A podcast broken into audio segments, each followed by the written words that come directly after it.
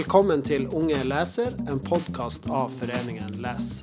Fredag 31. mars kårer unge lesere i videregående skole 'Hvit norsk mann' av Brynjulf Jung til vinner av Ungdommens kritikerpris.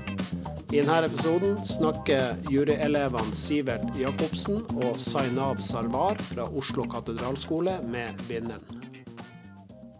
Uh, ja, uh, hei. Uh, mitt navn er Sivert Jacobsen, og jeg er elev ved Oslo katedralskole og har vært en del av juryklassen, da, 2E, på Oslo katedralskole. Jeg sitter her med Zainab. Du kan interessere deg selv. Jeg heter Zainab Sarwar. Jeg går i 2E på Oslo katedralskole, og jeg er også med i juryklassen.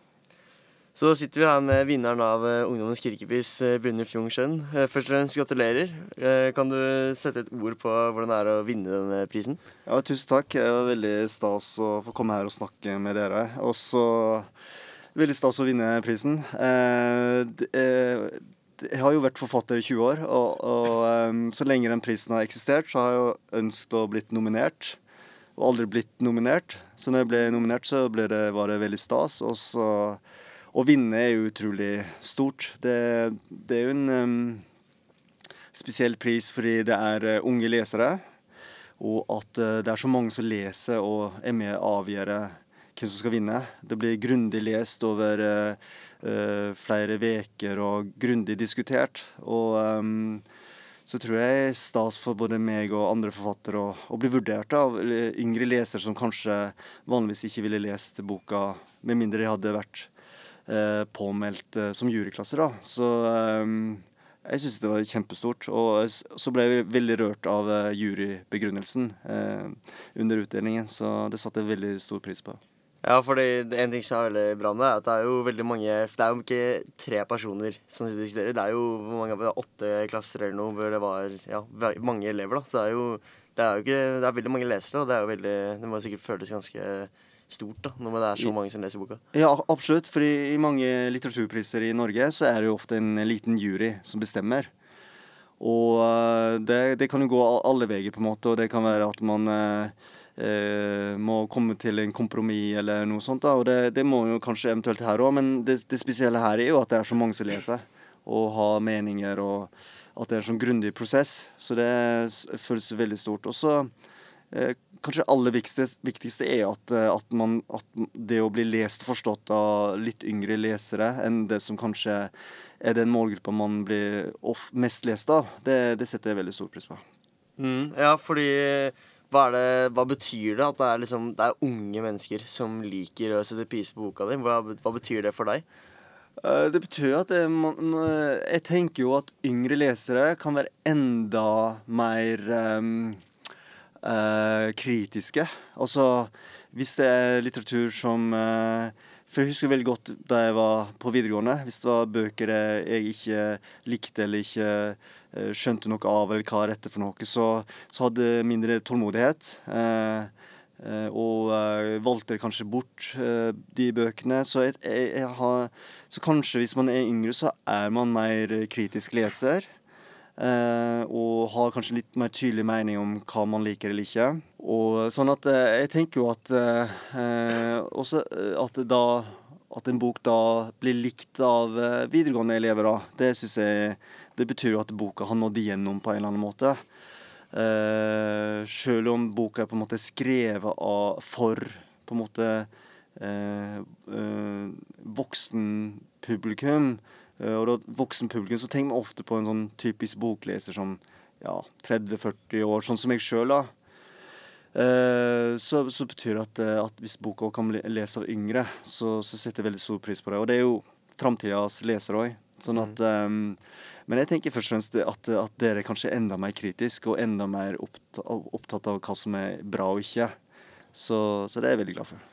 Ja, for jeg, jeg, kan jo Jeg tror jeg kan snakke på vegne av i hvert fall 2E eh, og oss to, da. At uh, det var veldig mye skeptisme når det var liksom en diktsamling som sto opp imot tre andre romaner, da. Uh, og jeg, jeg, er jo ikke akkurat verdens største lesefan selv, men uh, jeg må jo si at dette var en kjempefin bok som var en sånn du sier jo at, mange, at, vi er kanskje litt mer kritiske, vi unge, og det er jeg jo for så vidt ganske enig i, for jeg var veldig mange som var sånn Oi, en diktsamling, liksom. Uh, men uh, det var en kjempefin bok som alle satte pris på. Så ble, det var en helt soleklar vinner i vår klasse, så uh, absolutt. Er så hyggelig. og jeg har jo skjønt det, at det var flere som var skeptiske. Det, det skjønner jeg jo. altså Diktsamling på nynorsk, det er kanskje ikke det man ville kaste seg først over, uansett alder og målgruppe man er i. Eh, så det syns jeg er veldig artig, da. At, eh, at, man, at, at mange var skeptiske, og så, og så, så ble man overbevist. Så det, setter, det er jeg veldig glad for, ikke minst fordi det er såpass personlig bok òg.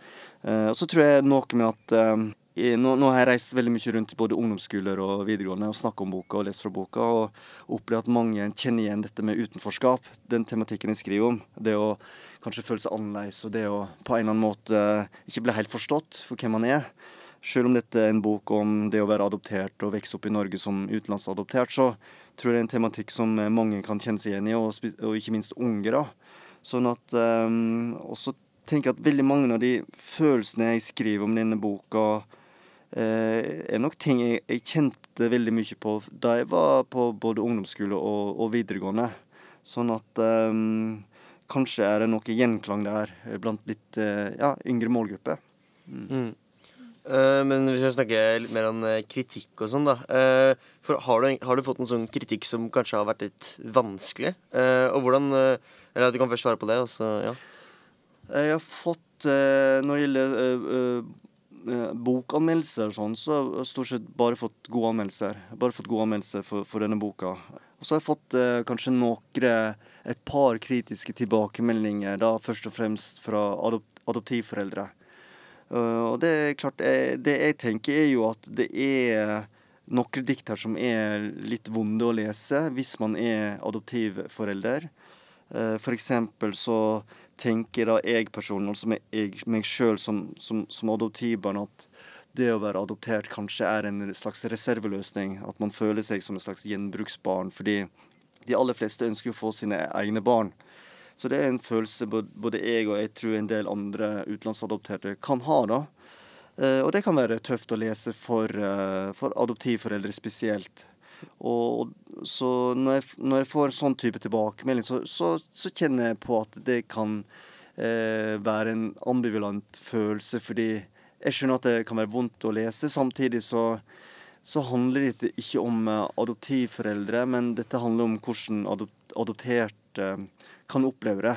Mm. Uh, så, så, helt i starten, når jeg fikk den kritikken, den, for den kom, litt, kom, helt i starten, så syns jeg det var litt sånn eh, litt vanskelig å vite hvordan jeg skulle håndtere det, på en måte. Eh, men samtidig så tror jeg det handler om at eh, Jeg tror det viktigste her at det er eh, Det å være adoptert, det er Uh, finnes mange forskjellige uh, versjoner, altså fortellinger om å være adoptert. Alle, det finnes 20 000 adopterte i Norge, og det finnes 20 000 ulike fortellinger om å være adoptert, så vi har ulike typer opplevelser. Og man må ha respekt for at man har ulike opplevelser, og så må man ha respekt for at det kan være sårt for adoptivforeldre mm. uh, å, å, lese disse diktene. Så det har jeg respekt for. Ja, fordi du sa jo at uh, du har fått mest uh, god kritikk og sa at det er en veldig personlig historie. Men hvordan oppleves det at liksom, når du har en såpass personlig diktsamling, da, hvordan oppleves det at den kritiseres? Når du på en måte Da kritiserer man på en måte litt dine opplevelser også, da. Ja, og, og nå, nå, har jeg ikke fått noe uh, kritiske anmeldelser, sånn offentlige anmeldelser. Sånn at um, Men det jeg var uh, redd for For jeg, jeg, var jo veldig nervøs når boka skulle gis ut. Uh, og det jeg nettopp var redd for, var at boka skulle få veldig dårlige anmeldelser. Og det ville gå veldig inn på meg, fordi det er så personlig. Ja. Og uh, at kanskje vil ikke tematikken eller det jeg forteller om, bli tatt på alvor, og kanskje vil det bli avfeid, og kanskje vil, vil de som leser, tenke at det jeg har opplevd, ikke er så farlig. Ja, for det var jo det var veldig Når vi diskuterte i boka, så var det mange som var sånn der Eller var noen da som sa kanskje Nei, dette er ikke en alvorlig nok opplevelse, da. Bare hvert og et dikt. Så hvis du, hvis du da isolerer ett dikt ut fra boka, så kan man kanskje ikke se på det som en alvorlig opplevelse. Men det er jo en diktsamling. Alle diktene her er jo sammen. De jobber sammen til å skape en helhet. Det er jo litt det som vi da også satt veldig pris på, og vi syns at boka din var den beste. Fordi det er jo det handler jo om at det er en helhet, og det man opplever som en helhet. Ikke at det at du møter noen på gata som spør om du er fra dette nabolaget her, eller om du er med den nye asiatiske familien. Det er jo ikke det som er det ille i seg selv, det er jo det hele det man opplever, da. Ja, og det tror jeg nettopp det at for alle, alle tror jeg uansett kan oppleve enkeltepisoder. Uh, så det jeg har fått eh, mest tilbakemelding på, er jo at det blir så masse, masse sånne små episoder som gjør at Eh, jeg som utenlandsadoptert hele tiden nesten daglig blir minnet om at jeg ikke ser norsk ut i mange sine øyne. Uh, og det tror jeg er noe av det som gjør inntrykk på mange som leser. Så um, og det er det jeg prøvde å få fram gjennom å skrive gjennom en hel diktsamling, er jo at skal få fram alle disse små episodene og disse små tingene. Fordi, um, men, men, likevel så frykter jeg da at det ikke skulle bli oppfatta som alvorlig nok. da, Fordi det fins jo uh, mange i Norge som opplever uh, masse direkte rasisme hver dag fordi man kanskje har en annen type religion, eller at man går med religiøse plagg, eller at man har utenlandsklingende navn. Sant? Sånn at uh, mye av den for, Mange av de fordommene og opplevelsene jeg opplever, kan kanskje være litt mer subtile og litt sånn ubetenksomme og litt mer sånn skjulte. så mye av denne direkte fordommene og direkte rasismen, det opplever ikke jeg så mye av. Sånn at jeg, jeg frykter litt at, at, at, at, mange ville tenke at det ikke var vondt nok, da. Men så heldigvis så, så, tror jeg de aller fleste har skjønt hvordan, hvordan, jeg har hatt det, på en måte, og det, det er jeg glad for. Mm. Ja, nei, men Det er jo det jeg syns som er på en måte bra med boka. At det snakker mer om sånn det som er indirekte, det skjulte. på en måte. Det er jo det som skapte veldig mye diskusjon og liksom prat og tankegang om boka, og det er jo ganske bra. Uh, og du skriver jo mye om uh, rasisme og hverdagsrasisme da, i diktsamlingen. Uh, hvor tenker du grensa for hva som er rasisme, og hva som er innafor går? Kjempegodt spørsmål, og det tror ikke jeg vet svaret på. Og det tror jeg, kan mange egentlig ikke vet svaret på. Jeg tror det egentlig handler om mottakeren. Hvordan mottakeren oppfatter situasjonen, og at mottakeren kan, at, kan opp, at man fra person til person kan oppfatte ting forskjellig. Og sånn er det blant utenlandsadopterte. Noen eh, seg, blir veldig såra av eh, ting, mens andre ikke vil blitt såra av samme opplevelse. Så jeg tror rett og slett det handler om at alle må eh, tenke litt over hvordan eh, en snakker og omtaler hverandre, rett og slett. Eh, hvordan man omtaler andre med ulike typer minoritetsbakgrunn og erfaring. Eh, vi har en stor gruppe i Norge med samisk bakgrunn som opplever veldig mye rasisme og, hets, f.eks. Og vi har mange med muslimsk bakgrunn som opplever veldig mye rasisme og hets. Og jeg tenker at eh, jeg, som ikke har den bakgrunnen, må tenke over hvordan jeg snakker til eh nordmenn med, med, denne type bakgrunn, og hvordan jeg omtaler dem uten at eh, Eh, at noen med samisk bakgrunn f.eks., eller funksjonsnedsettelse, eller med en annen eh, seksuell legning eller med muslimsk eh, bakgrunn, skal føle seg såra. Og det tror jeg rett og slett handler om at alle bør ha mest mulig respekt for hverandre. Og hvis noen blir såra, så må den som har sagt det eller gjort et eller annet, tenke seg om, tenker jeg. Eh, fordi alle kan oppfatte ting på forskjellig måte. For, for vi har ulike typer erfaringer. Ulike typer ting og som vi har opplevd tidligere, som kan gjøre at vi reagerer ulikt. da. Så eh, jeg syns det er veldig vanskelig å si hva som er innafor og utafor. Det tror jeg er veldig mye opp til den hver enkelt. Mm, litt det samme med dette med 20 000 adopterte og 20 000 forskjellige historier. Det er jo det er ikke en fasit på Og alle opplever Det er ikke den som kanskje kommer med rasistiske holdninger mot en person som kan si at dette var ikke rasistisk. Det er jo ja. til en selv. Da. For det er en typisk holdning jeg hører veldig ofte, er jo at ja, men i Norge så må man få lov til å si sånn og sånn. Man må få lov til å si N-ordet fordi det var greit for 20 år siden. Da var det ingen som reagerte, liksom. Eller at uh, Ja, jeg må få si sånn og sånn uh, fordi da reagerte ikke den personen. Eller uh, at i Norge så Norge er jo et lite rasistisk land. Norge er verdens minste rasistiske land. Det hører jeg veldig ofte folk si. men det kommer kanskje fra folk som ikke kjenner så veldig mange andre med annen type bakgrunn. og kanskje ikke skjønner hvordan ting kan bli oppfatta. Sånn at jeg er helt enig i at for å ta utenlandsadopterte som eksempel, så ja, det finnes 20 000 ulike utenlandsadopterte. Og da 20 000 ulike uh, opplevelser. Og jeg har fortalt min uh, opplevelse og min versjon, og så vet jeg at det er veldig mange andre som kjenner seg igjen i det. Uh, selvsagt ikke igjen i alt, men, men i, i, mye.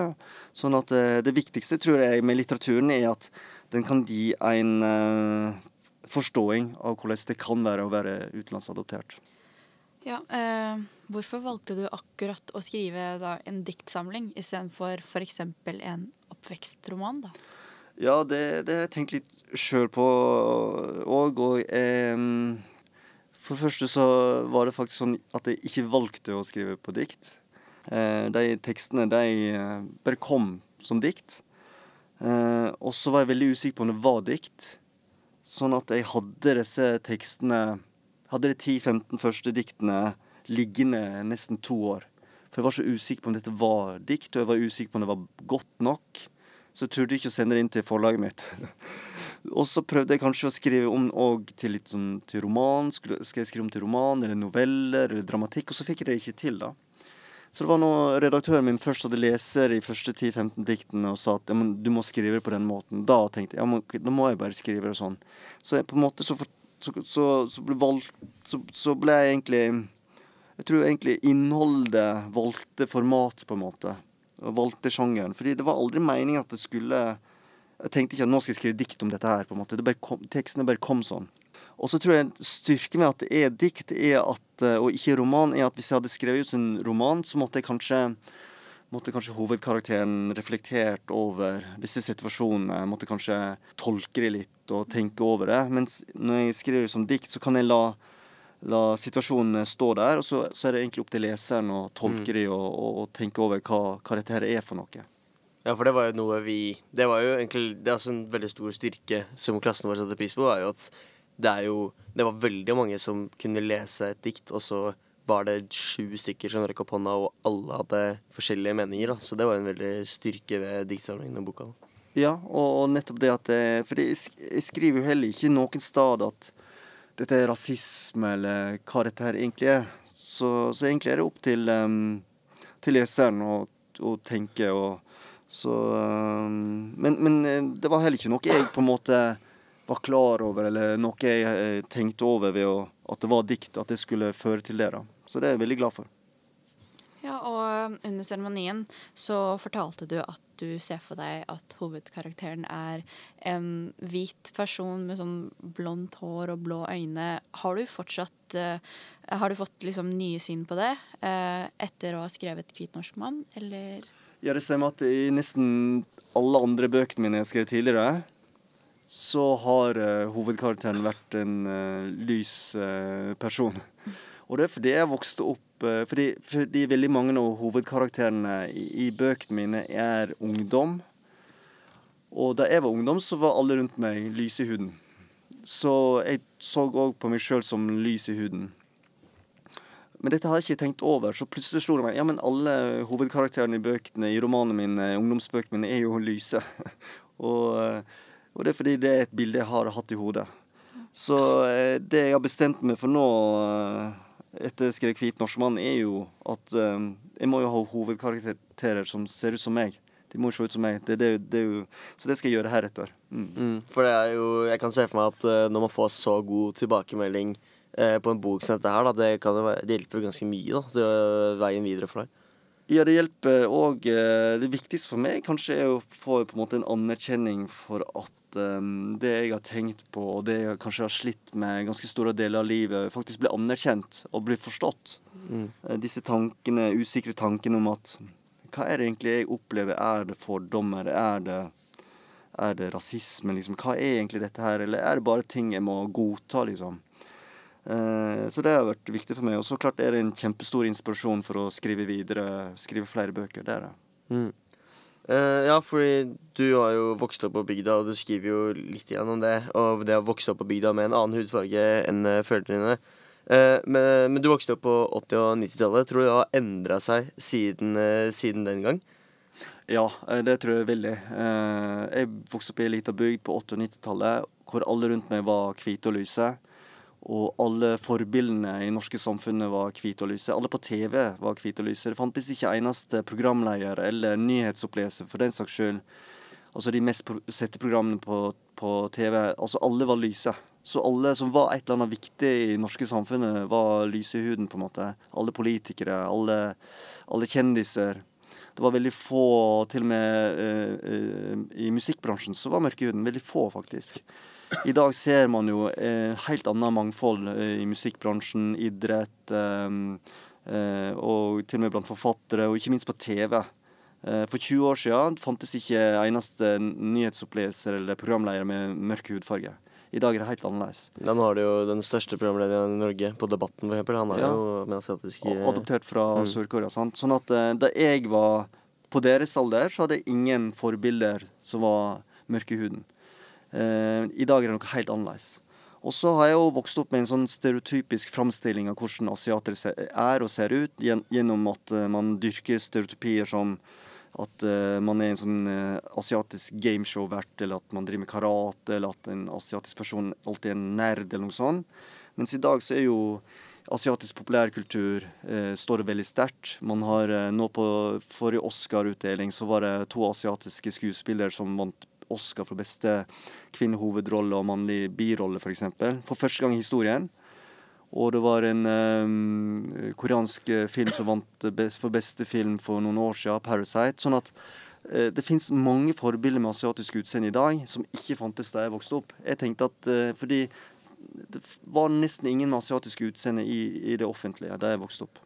Nei, for det er jo også litt Jeg, jeg føler jo det selv. Det er jo veldig mye sånn, i hvert fall sånn k-pop, som er sånn Og asiatisk musikk og asiatisk kultur er jo noe med I med sosiale medier, da, som måtte ha blitt sånn Komme litt mer frem, og man liksom man, sender, man ser liksom at det er jo faktisk De er jo Ok, de ser kanskje ikke helt like som de hvite i utvalget, men de er jo he, på helt likt nivå enn forbilder, liksom. Ja, og, og, men da jeg vokste opp, så ante vi ikke noe om at det fantes eh, pop, popmusikk f.eks., fra Asia, liksom. Så det ble alltid sett på som noe eksotisk og annerledes. Den, den, kulturen på en måte virka så langt unna. Sånn at uh, i dag så er det noe helt annet. Så i dag finnes det forbilder med, med asiatisk utseende som jeg ikke hadde, hatt, hadde da. Og hadde jeg hatt, vokst opp i dag, så hadde jeg hatt mye mer, bedre sjølbilde ved å se asiatisk ut enn da jeg eh, vokste opp på 80- og 90-tallet. Jeg føler i hvert fall at mye av det du sier, er jo mye av foreldrene mine og familien min fra sånn utenlandsbakgrunn også har på en måte pratet veldig mye om. da. At man ikke har noe forbilder, og at liksom eh, det ideale er jo å være lys og hvit i huden og alt det der. Men uh, tror du det hadde vært annerledes hvis du hadde hatt sørkoreanske foreldre? Ja, altså det som er Som jeg tenkte mer og mer på i det siste, er jo at um, det å vokse opp som utenlandsadoptert er jo litt spesielt i seg sjøl, fordi du ofte kan være den eneste med mørk eh, hudfarge i en hvit norsk familie. Så man kan være ganske aleine om dette med å føle seg annerledes og se annerledes ut. Og så er det jo dette med adopsjon kan ha en del såre følelser. Det er jo snakk om foreldre som har kanskje prøvd å få barn, og som kanskje, kanskje ikke får barn. Så, så, så, så, det er litt sånn såre ting rundt alt dette her som gjør at det kan være vanskelig, i hvert fall for eh, det barnet da, som blir adoptert, og kanskje snakke om dette fordi man òg vil ta hensyn til eh, foreldrene sine. Man vil ikke såre foreldrene sine, f.eks. Så der tror jeg det er veldig uh, viktig at uh, adoptivforeldre uh, snakker aktivt med barnet om dette her. Um, sånn at hadde jeg hatt um, asiatiske foreldre, så, jeg, så ville de for første nok skjønt at jeg kjente på dette med å, å, å se annerledes ut i norske samfunnet. Og så ville de kanskje hatt en del samme opplevelser som meg. Erfaringer som vi kunne snakke om og delt om. Eh, men kanskje det viktigste var at jeg hadde hatt noen å ligne på. For det hadde jeg ikke da jeg vokste opp. Og, så bare det å ha hatt foreldre som jeg ligna på, og dermed hatt noen jeg kunne speile meg i, tror jeg ville gjort noe, gjort noe, med meg. Fordi jeg hadde ikke noen å ligne på før jeg fikk barn sjøl, før jeg ble 28 år. Sånn at det der er en følelse av å være veldig alene i verden, på en måte, med, med, sitt, med sitt, utseende. Ja, for én ting er jo eh, å vokse opp på bygda, hvor da, der er det jo mindre mangfold. Mm. Men uh, Eh, jeg tenker litt sånn eh, Hvis du hadde vokst opp i Oslo, da. Der er det jo vært mye mer Der er det mye mer mangfold. Du ser jo det er mye flere innvandrere og med annen, bakgrunn. Hvordan tror du det hadde Eller hvordan ser du for forskjellene der, på en måte, hvis når du hadde vokst opp på 80-90-tallet? Hvis du hadde vokst opp sammen med andre, hadde du liksom hadde kjent på de samme følelsene og kanskje endt opp med å skrive den boka her, da? Et, et, et, det, det hadde vært interessant å vokse opp i en større by, da på 80-90-tallet. Jeg tror bare det Jeg var ikke vant til å se andre adopterte heller da jeg vokste opp. Og de få gangene jeg så andre adopterte, så ble jeg nesten litt sånn Oi. Jeg ser eh, For da skjønte jeg oi, jeg ser jo helt annerledes ut enn denne mine. på en måte. Mm. Så hadde jeg eh, vokst opp i en større by og vært mer vant til eh, større mangfold, så jeg tror det hadde vært enklere for meg. rett og slett. Jeg hadde ikke følt meg så aleine. Nei, for det er litt sånn kanskje kan skje på bygda. At man, mm. man, er, man, er, ekstra sånn utsatt når man er, det er så få. Ja. Sånn at da hadde jeg så Bare det at nå som voksen så har jeg jo fått venner som eh, både er adoptert og har en annen hudfarge. Men det hadde ikke jeg da jeg var yngre. Sånn at eh, Ja, jeg har vokst opp i en helt sånn hvit verden, da. Sånn, som bare har på en måte forsterka at jeg, jeg, ser så annerledes ut enn alle andre. Sånn som sønnen min, som nå er 14 år og går på marin, ja, går marinskole og midt i Oslo opplever en helt annen mangfoldighet uh, og tenker veldig lite over at han ser, um, ser ikke helt lys i huden. Sant? Sånn at han har flere venner som, som har samme type utseende som han. Så klart det er, det, det er, jo enklere å vokse opp både i dag og, og i en større by pga. mangfoldighet. Eh, ja, det er jo helt riktig. Det kommer jo an på hvor i Norge du bor. Eller som for eksempel jeg vokste jo opp på Søndre Nordstrand, helt på sånn Bjørndal, Hauket og sånt. Og der var det nesten bare utlendinger og folk med utenlandsk bakgrunn. Og da følte jeg aldri på noe sånn rasisme eller utenforskap. Eh, men så begynner jeg å gå på skole i byen og liksom eh, være litt, litt mer rundt i Oslo og alt det der. Og da legger man på en måte merke til at Oi, OK, her eh, er det rasisme og utenforskap og sånn. Mm. Oslo er jo litt sånn spesiell tilfelle i Norge hvor er, den er så delt. sant? Den er så på en måte mer delt enn noen annen plass i, i, i Norge. Sånn at um, Så her kan man ja, faktisk kjenne på forskjellige typer opplevelser innenfor samme by. da.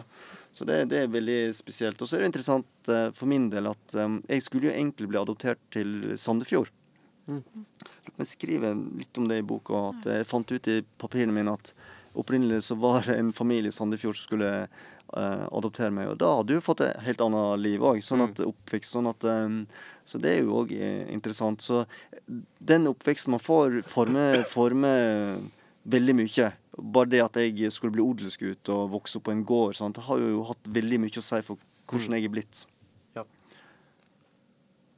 Fordi jeg, Vi snakka jo dette om forbilder tidligere, da. Men uh, hvis vi skal ta, dra litt tilbake til det. Hvordan tror du det er i dag for barna dine? da? Fordi du snakka jo om at du måtte var veldig få uh, forbilder. da. Altså, men sønnen din på 14 da, har jo han, han må jo ha det helt annet. Hvordan er det med forbildene hans, tror du, i dag? Det er bare det at uh, det fins Sånn som Fredrik Solvang på NRK, mm. for eksempel. og det fins flere med ulik type uh, flerkulturell uh, bakgrunn på TV. Uh, innenfor musikken, innenfor idrett. Så det er helt noe annet i dag, da. enn det jeg vokste opp. det var vel ingen med mørk hudfarge på fotballandslaget heller, så vidt jeg husker. på en måte. Jeg, for jeg var jo kjempeinteressert i fotball, f.eks. Mm. I dag er det mange flere. Sånn at Eh, det fins flere forbilder i dag, absolutt. Hadde jeg hatt et forbilde som Fredrik, Fredrik, Solvang da jeg var yngre, så hadde det vært eh, kjempeviktig for meg. Bare det å se en med samme type utseende som jeg eh, leder et stort program på NRK. Jeg tenkte jo at jeg aldri kom til å bli noe viktig, for det var ingen som så ut som meg som hadde noen viktige jobber eller roller i det offentlige. Så det tror jeg så jeg tror det er helt annerledes for barna mine å vokse opp i dag og, og se f.eks. sånn som Lan, som er nestleder i Miljøpartiet De Grønne. Kjempeviktige forbilder. Sånn at um, Ja, jeg tror, jeg tror, det er mye, mye enklere å ha en, uh, ha en, annen hudfarge i dag i Norge. Samtidig som selvsagt er det mye rasisme i Norge, og det er ganske polarisert samfunn. Mange med sterke meninger som dessverre er ganske eh, rasistiske og på, på, på, også på høyresiden. Sånn at eh, det må vi ha i bakhodet. Samtidig som jeg føler at eh, man er som samfunn òg veldig opptatt av å snakke om rasisme. Man er veldig opptatt av tematikken. Sånn at eh, Helt annerledes enn bare for noen år siden. Mm. Ja, for nå skal jeg nå er jeg en hvit norskmann, holdt jeg på å si. Uh, uh, men uh, altså, jeg har jo ikke opplevd det. Men med den formelen du snakka om fotball, jeg er jo en enorm fotballfan. Og jeg kan jo se for meg f.eks. Jung-min Son, da, og at det sørkoreanske landslaget er med i VM i fotball. Og jeg kan jo se for meg da, for unge i dag, og du snakka om det med at du var kjempestor fan fotball.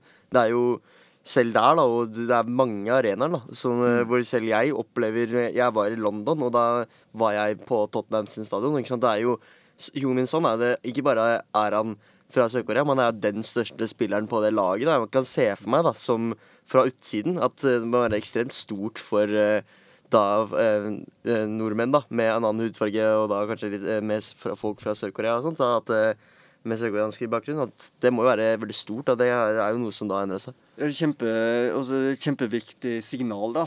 Um, uh, før, før, så husker jeg favorittklubben min, Manchester United. Uh, Uh, de hadde alltid, da jeg var litt yngre, jeg hadde alltid en annen spiller fra Asia, faktisk. Ja, det er Parji-song? Ja, blant annet. Men, men var, da var tanken ofte kommersielt. Mm. Fordi det var så stort marked ja, i Asia. Så kunne kjøpe drakter, og de kunne dra dit på sommerturné. Så jeg opplevde det mer som om det var kommersielle hensyn. At jeg alltid hadde en fotballspiller i, produkt, liksom. ja, ja, i, i, troppen som eh, Men akkurat han var ganske OK ja, fotballspiller. Han, han, jobba ganske godt. Men han var liksom ikke sånn stor stjerne. Nei. Han var liksom en som man kunne stole på. Men, eh, men det nesten husker jeg at det var liksom sånn strategi fra United, for det var så mye penger å tjene på Asia.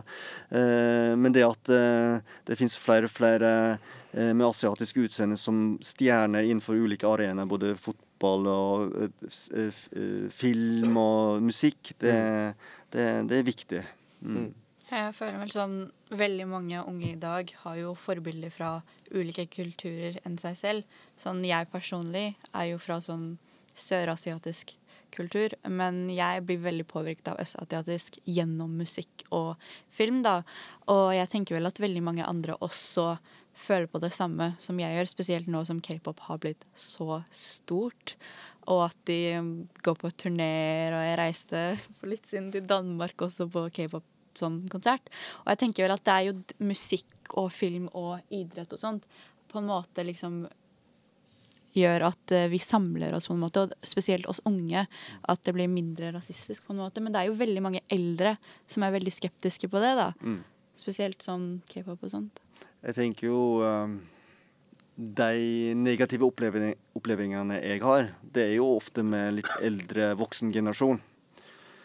Sånn at uh, som Og det er på en måte også litt forståelig, fordi de, de har vokst opp i, i Norge hvor det var mindre mangfold.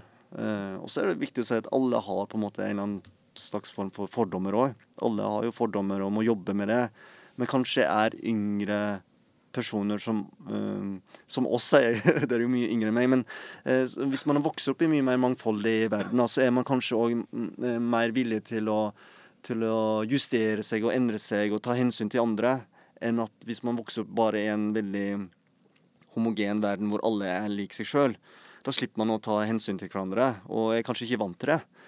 og så tenker jeg bare forbilder i dag. Bare tenker på at kanskje Norges største Norges største popstjerne, det er jo Karpe. Altså, det, da jeg var ung, så var de største i Norge Det var liksom uh, Keisers Orkestra og, og, liksom Jeg vet ikke DDE, liksom. Det var liksom de der som samla Og a-ha. Ja. Sant? Alle kritthvite.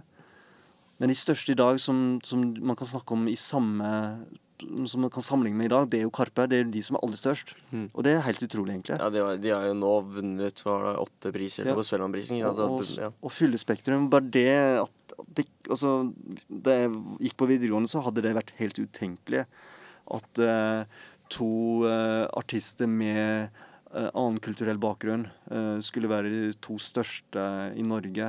Det, så det viser jo litt Og så viser det hvor viktig nettopp å ha forbilder innenfor disse arenaene er. Mm.